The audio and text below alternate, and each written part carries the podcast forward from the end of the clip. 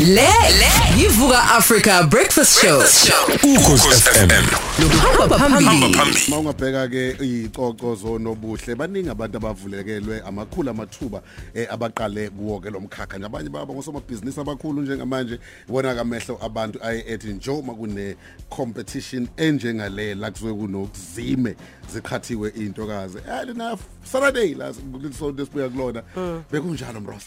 Yo bakithi ngenyanga yabantu besifazane sithi nje #imbokodi namandla sigqemeza sibonge kakhulu eh, abantwana abancane eh, sibabona be- be- bebamba i- i- i- ifiso zabo ngezandla. Ngicabanga ukuthi izinto eh, ezinhle lezi ezenzakalayo. Yazi kumina sigqemeza eh more than ukuthi eh, bekuyi competition kumina eh, bekuwukuthi nje eh, i women celebration eh more than i competition eh, on stage be parade behamba laphayana and ububona ukuthi eh u- u- u- ukubumbana eh, uyabo iunity eh, ibikhona phakathi kwabo nakho konke nje ade kwenzeka nanokuthi nje futhi eh, ubusezingeni eliphezulu kakhulu Okay. Ladies and gentlemen, see no Miss South Africa. Kodwa nansi moment eshintshe yonke into. Live from the capital, your Miss South Africa 2022 is.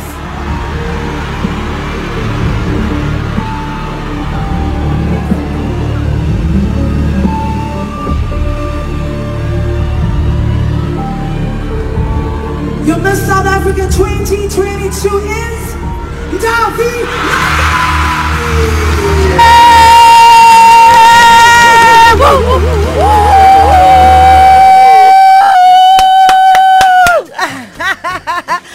Miss South Africa 2022 yeah. Davi Nokeri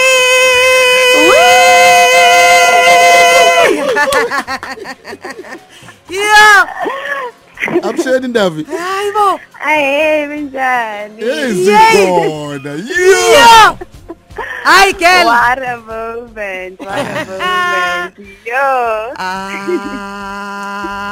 yazi mina ngibonile kuphuma inyembezi emehlweni akho ngabona ukuthi moment le obukade lokhu uyicabanga uyicabanga kodwa ungazi ukuthi ngaba kuyi reality. Yeah, I was so shocked. Aningathembi ku ri va vito vito ra mehe. Wow. Wow. Yo. Hayi no. If bekuyimina Mroza be- be- bengizoshayeza kithi ngithi mina ngushado kanti nabo sontshikazi yeye balilizela abantu. Can you sing your own praises? From your clan names, Kastsong. huh? Sorry? Can you sing your own praises from your clan names?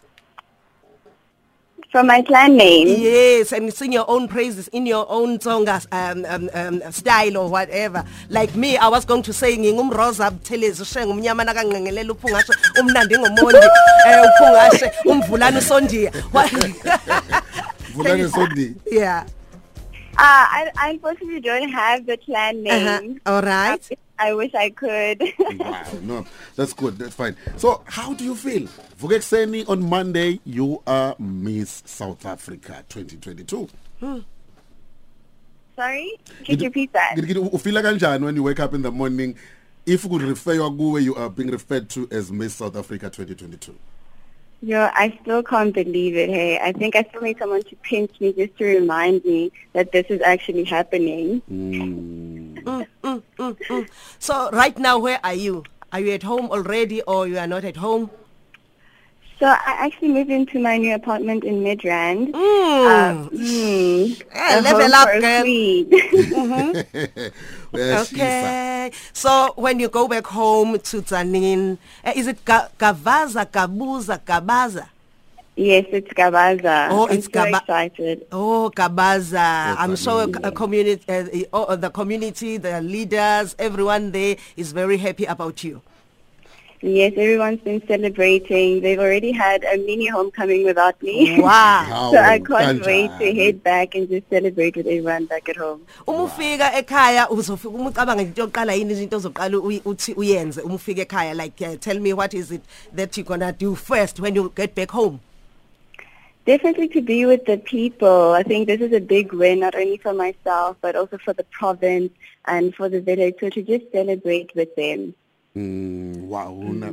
Kuhle kakhulu 22 minutes after 7 lolu ukhozi FM sihleli ke no Miss South Africa 2022 Take me back eh eGabaza usakhula. Ienvironment ibe injani ukhula lapha yana beku environment obonayo ukuthi one day kungaphuma somebody eh asiphumile wena eh, njengo Miss SA No, so when I grew uh, growing up in the village, it really was, um, you know, the standard kind of an environment where you really don't get exposed to a lot of things. Even to pageantry, I wasn't exposed to pageantry until I was um, in varsity in Pretoria, and so I really didn't think I would be able to be sitting here today.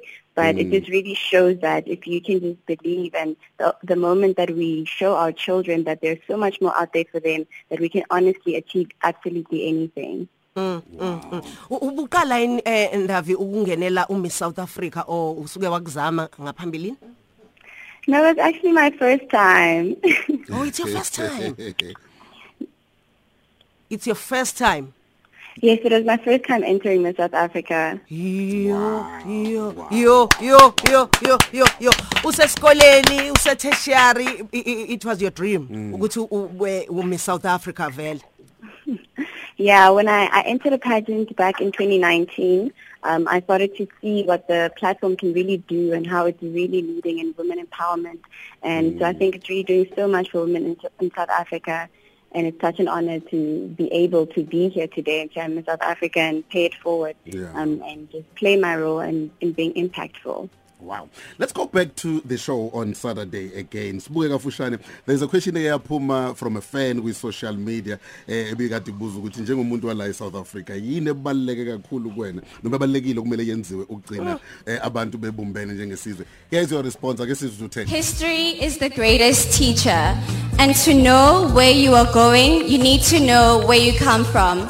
Being a nation that comes from a past of racial segregation, we know that when we were divided, we were at our weakest. So as Miss South Africa, I would implore us to stand together and embrace every single culture, race, gender, and sexuality because in our diversity, we are strong. Yes. In Yo. our diversity we are strong. Eh, Ndavi eh ngi- ngi- ngiyacela ukuthi lo mlayezo kade usho on stage ukusho nge- language yakho your own language eh ulimi lwakho lwesonga ukuze bezokuzwa kahle ekhaya eh bazi ukuthi ubuphendula uthini ngalesi yasikhathi. Because mina eh beng- bengijuluka ngalesi yasikhathi. And uthe uma uphendula ngaba nama goosebumps because bese ngisaba. Awu awuyikhulume ngesitsonga bezwe ekhaya. Yeah, I think iumakule as a country, um, we were we were oppressed, ihluphekile enough, and it is time for yima together and for us to ihlangana i- accept one another um, because we are so different, but at the same time we have so much more in common um, than, than we are different. And so when we embrace each other, we got and we are stronger together because we learn from each other, and then from that we can make and create the society that we want. Mhlawumbe nje ukhumusha kancane nje sidlula nje eh, eh, eh, ku- ku- kum- kumlaleli wethu. U- uthe ube iqala nje wathi nje umlando uyinto enkulu kakhulu ukuthi singafunda kuyona. Eh, nanokuthi futhi kubalekile ukuthi masibambane sihlangane. Noma ngabe siqhamuka kuluphi uhlanga noma ngabe kubuphi ubulili noma ngabe sihlala kuziphi indawo kuzosiza. Futhi uma ngabe sibambene eh uma singabambene ilapho esisuke singenamandla khona ila esi weak khona ngaleso sikhathi. Kodwa uma sibambana sihlangana ilapho esikwazi khona ukuthi sinqobe siye phambili and kubalekile ukuthi sibumbane. 24 after 7 or 25 26 rather after 7 still hanging out with uMiss South Africa ka 2022 yeah Miss South Africa ka 2022 you are Miss South Africa. Kumele uyisho le It's like you guys are are helping me to believe it. Yeah yeah. The more you repeat it, we wanted to sink in. Mm, no, Yeah. it's it's slowly sinking in. I'm just looking at uh it's angifaki competition but kodwa uyabuka uthatha uh, from uMiss Supranational 2022 my sister ulalela Mswane naye eh bekade kukhona ushudu before eh so sibini Thunzi njalo njalo. And abagcinanga ngo Miss South Africa kuphela they they entered amanye ama pageant emveni kwalokho ngabe nawe sizokubona uqhubeka are you following kuma steps wabo Sorry? No no I'm checking ukuthi uzobe u- ufollow kuma steps alamanye ama heroes akho awinile before uh, or u Miss South Africa uh, it's a last stop for you Yes, um, I think these are the women that have really inspired me to walk this journey. When I saw what they were able to do with this platform, you know, the amount of positive impact that they were able to have, it really inspired me as well to follow in their footsteps. Um, even especially looking at Shudu, we have a similar background coming from Limpopo. Um, I think when I saw her step into her power, I was so inspired to live beyond my insecurities and my fears and to just walk a journey confidently. Eh mhlambe ngesitsonga nje unga- unga- ungathini kwamunye umntwana eh omncane eh o follow kuma footsteps akho right now? More especially back at home eh, eh, eGabaza eTsanin eh nanokuthi ke you are the first woman ongumtsonga to win this title. And I know ukuthi you are not the last one because ungaba u first but asifisa ube u first uhlezi u first sifisa abanye balandele. So, what is the message that you can uh, uh, send to all young people who are listening to you right now in your Tsonga language? and especially abaphuma ema rural areas futhi Yes. Yeah, I think as munhu waku waku my village na mina strisa ku sometimes utwanga ukuthi milorho ya wena yi le kule but if you can just take that first step teka goza ra masungulo then there's nothing that you cannot do because vanhu va koho va ku la ku ku supporta so if u titshemba show up and na he will show up for you Ah, wow, wow, wow, wow. Yo, hayi kodwa lembuzo abanibuza yona laphana ngendlela enibancane ngakhona. Hayi mina ngazi bengaqala ngithini laphana. Eh ngicabanga ukuthi nonke eh, eh, you guys were beautiful, nonke you were brilliant. Eh nonke ni- nithe show up nakhombisa i- iAfrica ne South Africa. Even namazwe from outside Africa ukuthi uh, in South Africa we've got leaders.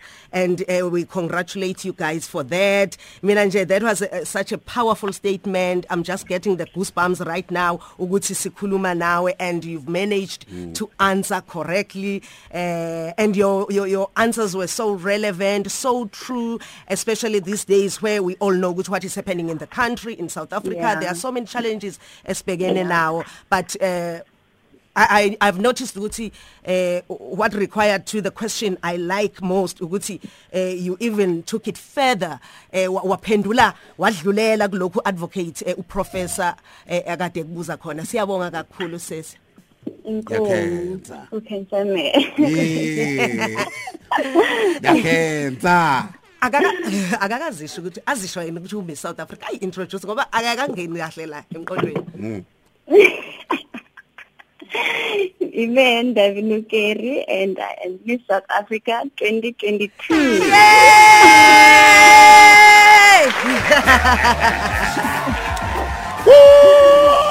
The Queen! when are you coming to Durban? When are you coming to Durban? When are you coming to Cozy FM? No, as soon as I can, I really need to get there. You must so come let's and greet plan. You must come and greet our management. Hey! I, I can imagine Absolutely, I can't wait. yeah I can imagine from now on mawuphendula ucingo ubamba ifoni yakho hi Miss South Africa hello I need to start doing that actually. All right love thank you so much man all the best sikufisela kuhle konke eh kusuka manje yeah keep shining Thank you so much. wow hey, And Gomez. Thank you for having me. Thank so you, much, thank you. We- wow eh Ndavi Miss South Africa ka 2022 Mroza uthumbeza well usahlushwa uthumbeza manje sahlushwa u- u- uselma tunes Awukhohlwa. usine ayikhohlwa sine khohlwa seli Aka- akasuke uselaphethe la, uthi uthi asemtshela ukuthi u eseli akuseyona uselma tunes manje eseli a a I- iligi selmathunzi league league bafo. Zibheke la udlala khona. And enye into Mroza eh, eh, athi ukhuluma ngenye yezinto ephinde yagqama. Le question ibuzwe eh u former public protector wethu u- u- u- umamthuli Madonsela. Ngomthetho osekelo wethu ukuthi uyasivumela yini ukuthi sisebenzise eh, njenge bridge lokuthi siqede ukuhlukana eh kwesikhathi esidlule nokudala komphakathi omusha eh osekela ke ubulungiswa bezenhlala kahle yo Ayi. Ingane iphendulile yashibilika yathi We cannot say that we are moving forward as a nation while half of the country is still getting left behind. 50% of our country is still living below the poverty line and it is our responsibility to ensure that we create a sustainable, innovative and most importantly, an inclusive South Africa so that we can unlock opportunities for our youth. Thank you. Abantu abangaphezulu cishe ba u50 billion isigamu sonke sabantu bala eningizimu Africa 50% rather. Eh kodwa abasayiphilela nje ku- abadla imbuya ngothi akabikho izinto ezinhle eziphathekayo makusekhona lokho kuhlukana okunjengalokho. Hayi ingane ibona ukuthi asikakafinyeleli?